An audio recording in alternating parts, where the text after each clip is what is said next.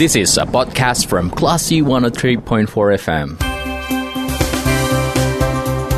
Bicara melawan Corona bersama Classy FM.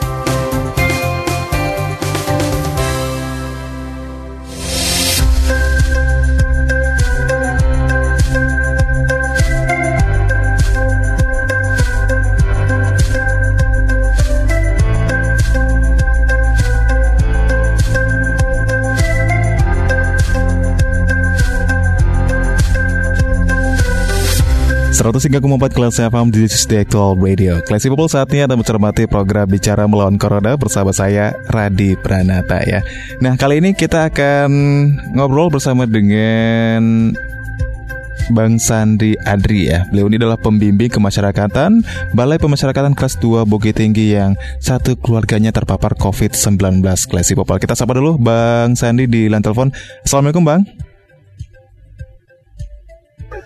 Halo Bang Sandi, halo. Ya, Waalaikumsalam warahmatullahi wabarakatuh. Kabarnya hari ini sehat Bang Sandi?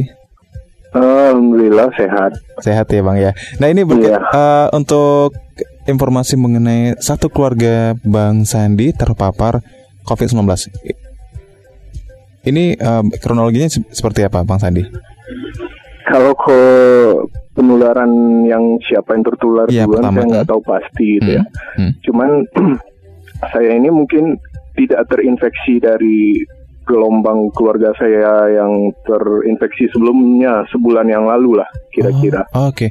Uh -uh. Jadi sebulan yang lalu yang terdeteksi itu ayah papa saya uh -uh. uh, swabnya positif, lalu adik saya uh, juga positif, uh -huh. kemudian mama saya dan uh, adik saya yang laki-laki. Otomatis anak-anaknya dari adik-adik saya juga di swab dan sebagian besar positif dan hanya satu ada enggak enggak enggak sedikit yang negatif ya. Mm-hmm. Jadi totalnya di awal sebelum saya terinfeksi itu 10 orang anggota keluarga besar saya yang terinfeksi. Oke. Okay. Dua hanya dua orang yang diisolasi di rumah sakit, sisanya isolasi mandiri di rumah, itu kan? Mm-hmm.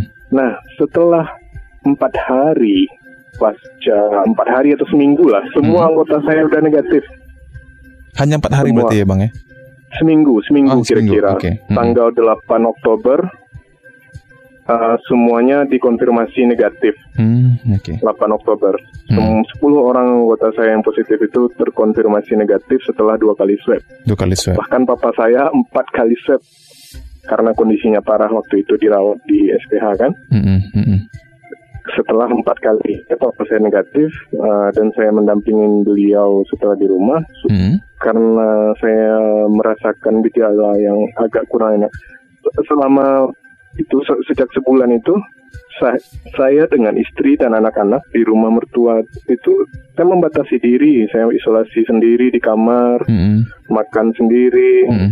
tidak bertemu membatasi per, uh, tetap pakai masker di rumah hmm. gitu Nah, setelah selang seminggu setelah itu saya, saya merasakan agak kurang uh, enak badan. Oh, okay. Kayak demam biasa aja sebenarnya hmm. awalnya. Berarti sekitar tanggal 18-an gitu ya, Bang ya?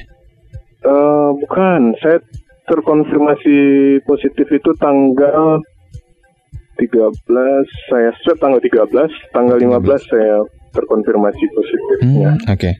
Kemudian setelah uh, merasakan gejala-gejalanya apa yang Bang Sandi lakukan? Uh, saya isolasi, saya pindah dari rumah. Kebetulan uh, di saya pindah rumah mm -hmm. uh, sendirian uh, dengan bawa barang-barang yang dibutuhkan ke rumah nenek saya yang kebetulan kosong yang dulunya juga digunakan untuk isolasi dan telah disemprot mm -hmm. sudah disinfektan rumahnya ini mm -hmm. kan. Mm -hmm. uh, sebelum ke rumah ini saya swab dulu saya pergi swab dulu. Setelah pulang swab, baru saya mengisolasi diri sendiri ke rumah tempat saya isolasi sekarang. Hmm. Dua hari kemudian hasil swab saya uh, di hari kedua penantian swab itu hmm. saya udah udah rada merasakan ini kayaknya karena dulu waktu keluarga saya positif saya kan juga kontak erat tuh, hmm. hmm. jadi saya juga swab udah dua kali hasilnya negatif. Negatif, iya. Iya, tanggal tanggal 23 September sama tanggal 28 September hasil swab saya negatif. Hmm. Lalu setelah dua minggu saya swab lagi tanggal 13. Hmm. Uh, hasil swab saya positif di tanggal 15. Tanggal 14 itu saya merasakan demam tanggal 11 hari hmm. Minggu. Hmm. Tanggal 12 saya udah demam saya udah reda. Hmm. Tanggal 13 pagi saya pergi swab. Tanggal 14 sore saya mulai kehilangan pen, uh, penciuman. Indra penciuman ya bang. Hmm. Uh, penciuman yang dicabut itu pertama kalinya ini bau busuk. Bau busuk oh. nggak kecium lagi, cuman bau uh-uh. kayak makanan enak masih kecium. Itu masih kecium ya bang ya. Oke. okay. Uh, iya, yang nggak kecium itu kayak bau busuk. Bau busuk, bau uh-uh. sampah, ya, uh-uh. atau misalnya saya buang angin atau buang aja nggak kecium lagi, uh-huh. udah udah nggak kecium. Cuman uh-huh. bau makanan, bau parfum, bau sabun masih kecium kan. Oke. Okay. Tanggal 15 sore setelah saya 15 pagi itu, hmm. uh, saya dikabarin positif, positif. saya dirujuk ke rumah sakit COVID untuk uh, screening penuh darah, uh, eh, EKG sama hmm. ronsen torak. Hmm.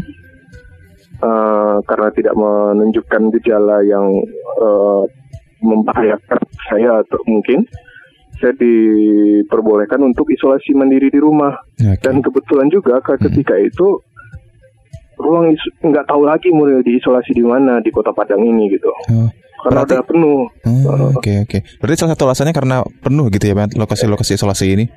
Benar, karena penuh nggak hmm. nggak hmm. ada apa namanya BPSDM hmm. yang di Padang Besi ya iya, penuh, yeah. uh. SPH karena lebih prioritas lah untuk orang-orang yang punya komorbid dan hmm. yang berusia tua gitu kan. Hmm. Lalu rumah sakit Residin juga demikian. Hmm. Kalau saya disarankan ke kampung nelayan, saya takutnya nanti kalau saya butuh apa, keluarga saya jauh, gitu kan. Oh, okay. Akhirnya uh. karena rumah ini kebetulan kosong, ya sudahlah saya isolasi aja di sini dulu, gitu. Hmm.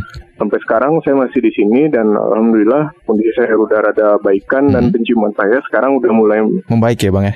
Membaik, cuman belum sepenuhnya itu. Okay. Tapi untuk dan, uh, uh, hasil swab terakhir sudah negatif apa bagaimana? Belum, besok ya? saya mau swab lagi karena hmm. saya memutuskan untuk swab besok karena saya mau barengan sama istri saya yang juga terkonfirmasi positif. Hmm. Oke. Okay. Kalau istri bang sekarang lagi di mana bang isolasinya bang? Di rumah ini cuma beda kamar. Oh, Dia sama bayi saya, uh, anak saya yang umur satu setengah tahun. Hmm. Uh, syukur alhamdulillahnya anak saya yang umur empat tahunan hasil swabnya negatif. Negatif. Jadi okay. beda beda rumah itu di rumah tempat saya sebelumnya. Berarti yang anak abang yang usia empat tahunan ini di sekarang ini berada di mana bang? Uh, di Kelurahan Lubuk Begalung. Kalau saya kan sekarang di Kelurahan Kuranji isolasinya. Oh, Oke. Okay. Itu bersama dengan uh, nenek nenek kakeknya bagaimana, Bang? Uh, neneknya belum uh, uh, sama kakak istri saya. Oke. Okay. Uh. Dan kalau an anak abang yang paling kecil gimana, Bang? Kondisinya? Sepertinya terinfeksi, cuman swab pertamanya kan negatif, hmm. cuman karena nggak bisa dipisah, mau di ke mana dia masih asi, hmm. akhirnya sepertinya dia terinfeksi karena dua hari yang lewat dia demam, hmm. cuman cepat pulihnya. Hmm. Okay. Pulihnya sampai sekarang udah ceria kembali, udah enggak. Hmm. Tapi kami di rumah tetap pakai masker, hmm. uh, nyuapin anak itu hmm. kayak ya apa ya, yeah. kayak cuci tangan mulu baru nyuapin yeah. dia gitu. Saking saking ya saking khawatirnya lah gitu. Hmm. Dan saya juga sama istri nggak satu nggak nggak nggak nggak satu piring nggak satu gelas gitu. Hmm. Oke, okay. nah uh, Bang Sandi ini kan bisa dikatakan ya, kondisi yang uh, memprihatinkan lah gitu ya Bang ya bagi abang dan keluarga apalagi uh, anak paling kecil juga. Tapi akhirnya Bang Sandi ini bisa ataupun mau cerita dengan kita loh di radio Classy FM. Apa yang membuat Bang Sandi mungkin uh, sebegitu tegarnya dengan kondisi sekarang ini Bang? Ya kalau saya nggak, iya. kalau dibilang tegar belum ya. Oke. Okay. Ini mungkin berkat keluarga saya yang lain juga uh-huh. teman-teman. Apalagi saya tinggal di lingkungan di tempat saya isolasi ini. Ini keluarga besar saya gitu. Hmm. Dukungan okay. mereka yang setiap hmm. saat saya telepon, saya butuhin apa semuanya cepat datang gitu ya. Dan saya nggak ingin lagi ada apa ya, ada keluarga lagi yang hmm yang terinfeksi massal seperti klaster keluarga yang saya alamin gitu. Oke. Okay. Dan karena saya rasa apa ya? Saya, saya juga pernah uh, menginginkan ketika saya kemarin bolak-balik hmm. uh, keluarga yang terinfeksi, saya memut sebenarnya memutuskan untuk tidak tidak pulang gitu. Oke. Okay. Uh, cuman ya apa ya? Mungkin ya sebaiknya hmm. memang kalau dalam keadaan rawan sebaiknya memang tidak tidak tidak tidak mendekati dulu lah. Oke, okay. tapi dalam waktu dekat akan coba uh, tes swab lagi ya, ya Bang Sandi ya? Besok uh, ya Bang rencana besok, ya? Insya Allah ya. Oke, okay. mudah-mudahan hasilnya negatif Bang. Kalau bisa semua semua keluarga Bang juga sudah negatif ya Bang ya dan kembali beraktivitas seperti biasa ya Bang. Oke, okay. ya, terima kasih banyak Bang Sandi sudah sharing uh, ceritanya bersama kami di program Bicara Melawan Corona. Mudah-mudahan ini menginspirasi mungkin buat uh, pendengar uh, ataupun semua masyarakat untuk lebih aware dengan kondisi dan juga uh, cepat uh, segera pulih atau move on dengan kondisi gitu ya Bang ya. Sekali lagi terima kasih Bang Sandi. Ya. Dan ya, selamat kembali beraktivitas. Assalamualaikum. Waalaikumsalam warahmatullahi wabarakatuh. Baik, tadi kelas people obrolan kita bersama dengan Bang Sandi Adri. Beliau ini adalah pembimbing kemasyarakatan balik pemasyarakatan kelas 2 Bukit Tinggi di mana satu keluarganya termasuk uh, dia pun juga terpapar COVID-19. Mudah-mudahan bisa menjadi inspirasi untuk kita semua kelas people. Kalau gitu, saya Radi Pranata pamit. Program kita lanjutkan kembali. Terima kasih. Anda sudah mencermati program Bicara Melawan Corona bersama Klasi FM.